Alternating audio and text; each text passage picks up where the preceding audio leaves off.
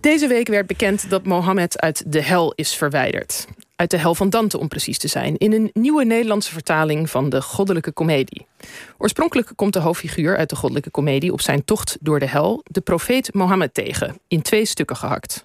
De vertaler heeft die passage nu weggelaten om te voorkomen dat het boek, een hertaling bedoeld voor de jonge lezer, onnodig kwetsend zou kunnen zijn. Ja, en volgens historica Vara Batsi is dat van de Universiteit van Stanford getuigd die beslissing om Mohammed te schrappen niet alleen van een kwalijke censuur, maar bovenal van fundamenteel gebrek, jawel, van de middeleeuwen in Zuid-Europa, die veel meer waren beïnvloed door de islam dan wij menen te weten en herinneren.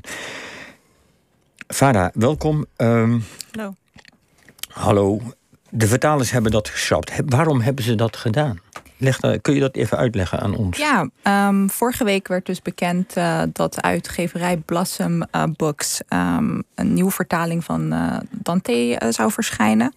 En de vertaalster Lies Lavrijse die heeft toen aangegeven dat ze ervoor heeft gekozen om Mohammed expliciet uit de tekst te halen, omdat het potentieel kwetsend zou kunnen zijn voor een voornamelijk islamitisch publiek.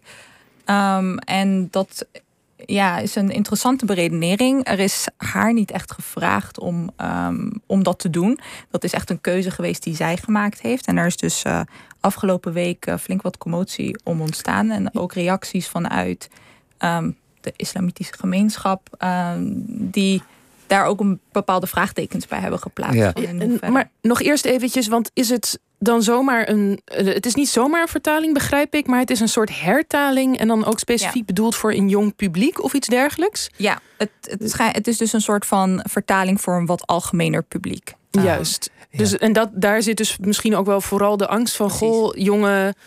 Ja, uh, mensen van islamitische afkomst, die zouden hier uh, over kunnen vallen of iets dergelijks. Ja. ja. Uh, wat, um, wat vind je ervan? van dat besluit van de vertaal, hertaalster om Mohammed te schrappen. Wat vind je daarvan? Ik vind het een hele interessante keuze. Zeker omdat het een eh, middeleeuwse tekst betreft. Um, de tekst uh, van Dante, en uh, daar kom ik zo meteen op terug, uh, is een hele interessante tekst om juist te bespreken in het kader van de, het huidige debat wat we in Europa hebben over de plaats van de islam en de islamitische geschiedenis van, van het Europese continent. Um, als historica ben ik natuurlijk iemand die heel erg um, waarde hecht aan, aan tekst zoals die is en zoals die was. Dus ik vind het altijd kwalijk als er uh, in primaire bronnen veel geschrapt wordt of heel erg veel wordt aangepast. Um, en ik denk dat het aan historici, maar ook aan een goed geïnformeerd publiek, um, dat daar zeg maar de keuze ligt hoe je zo'n tekst interpreteert, hoe je zo'n tekst. Uh, ja, maar, maar, vind je het niet eigenlijk uh, Althans, ik ben geneigd te zeggen, dit is mhm. toch een, een vreemde bemoeienis van een uh, auteur van nu over een mhm. tekst van pak een beetje 700 jaar geleden. Ja. Dit is censuur.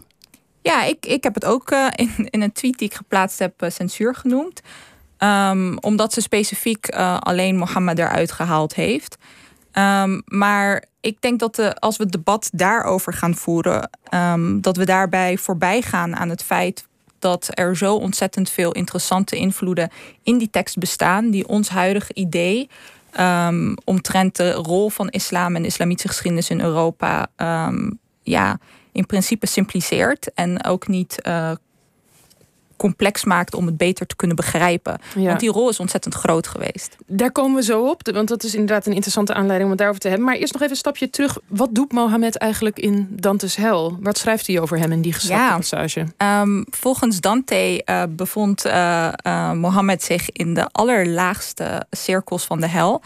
Uh, en uh, hij heeft hem daar dus is als het allerergst, inderdaad. Ik wil wel benadrukken dat Mohammed niet de enige, het enige islamitische figuur is die in uh, Dante's goddelijke komedie of aanwezig is.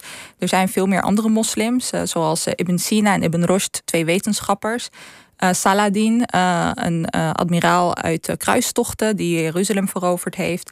Dus er zijn verschillende andere islamitische figuren in. maar Mohammed zelf speelt een hele belangrijke rol, omdat volgens Dante Mohammed een soort van belichaming was voor het schisma wat binnen de christelijke traditie zou kunnen ontstaan. Dat moet je um, even uitleggen. Ja, want het is een hele interessante beredenering die voor ons modern publiek misschien uh, heel raar is om te bevatten.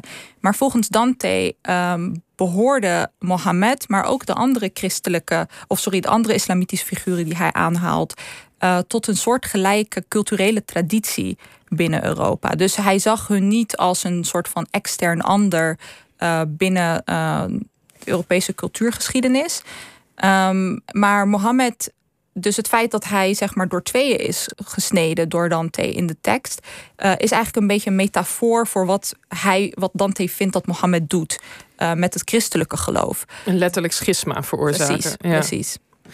Oh, Oké. En ik ben dan toch nog wel benieuwd, want je zei al van ja, er zijn nog allerlei andere figuren. Nog ja. afgezien ook van islamitische figuren. Ik kan me zo voorstellen dat er nog heel veel andere uh, zondaars zijn Precies, uh, ja. tussen uh, aanhalingstekens die, die in die hel zaten. Wat hebben de vertalers daarmee gedaan? Zijn ja, nog... dat, dat was dus ook een reactie op, op de keuze om Mohammed te schrappen. Van waarom alleen Mohammed en ook niet andere figuren? Want er wordt ook heel slecht over homoseksuelen gesproken, bijvoorbeeld in de tekst.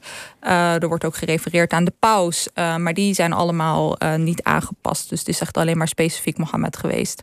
Goed, en, en nu tweette jij dus inderdaad afgelopen week dat dit schrappen van Mohammed ons eigenlijk toont dat onze kennis over de middeleeuwen op een bepaalde manier nogal gebrekkig is. En dan ja. vooral wat betreft die islamitische invloed. Wat, wat ja. bedoel je daarmee? Dat is toch We hebben het hier over Dante uh, ongeveer de 14e eeuw. En dat is een overgangsfase tussen de middeleeuwen naar de vroegmoderne tijd.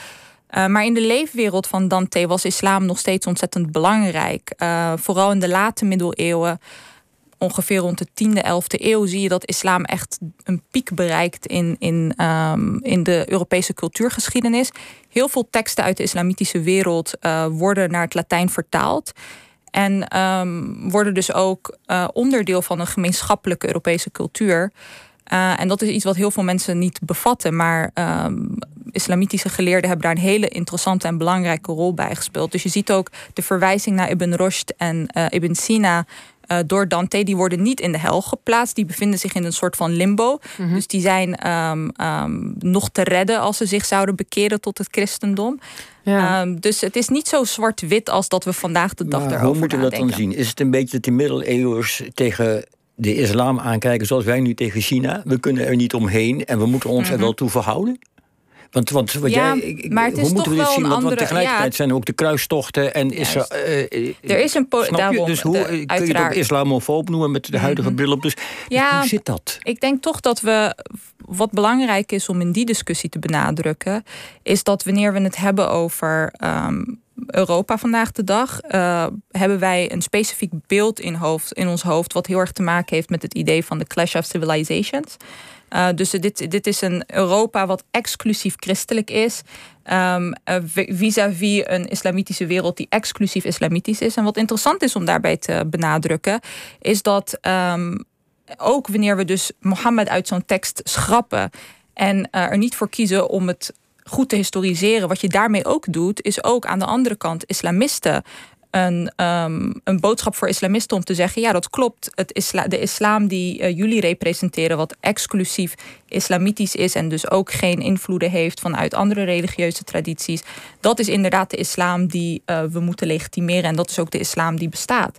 Terwijl we juist de discussie wat breder moeten trekken en moeten gaan nadenken over de verschillende interacties die in de middeleeuwen plaatsvonden. Ja. En dat we dus eigenlijk um, in die periode een hele andere visie op de islam hadden dan dat, wat dat we dat vandaag de dag hebben. En daar wil ik niet zeggen, want er is natuurlijk ook een, andere, een ander gevaar hierin. Dat is het gevaar van romantisering. En dat zie je heel veel terug in uh, bijvoorbeeld discussies over Spanje in de middeleeuwen. Want Spanje was bij uitstek het land waar christenen, moslims en joden samenwoonden. En er was tot voor kort een bepaald idee dat ja, dat was een vredelievende samenleving, er was geen geweld. Altijd maar feest, dat is, dat altijd is feest en ja, tolerantie. Ja, maar dat, maar dat was natuurlijk absoluut ook niet waar. Nee. Maar je moet dus juist uh, de nuance gaan zoeken in die discussie. Uh, en dus ook kijken naar vooral de culturele uh, interacties die Maar als ik jou goed begrijp, zeg je dus eigenlijk... als je Mohammed uit een, laten we zeggen, een boek... wat binnen een christelijk kader ja. en, en, poëzie mm -hmm. is geschreven haalt... dan doe je eigenlijk iets helemaal fout. Dan, dan, ja. ga, je, dan ga je mee met die, die, die zwart-wit tegenstelling Precies, in hand inderdaad. houden. Ja. Oké, okay. nou daarvan akte denk ik, hè? hoop ik ook aan de uitgever, voor de uitgeverij.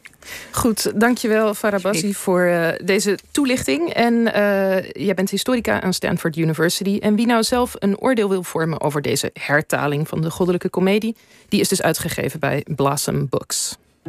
OVT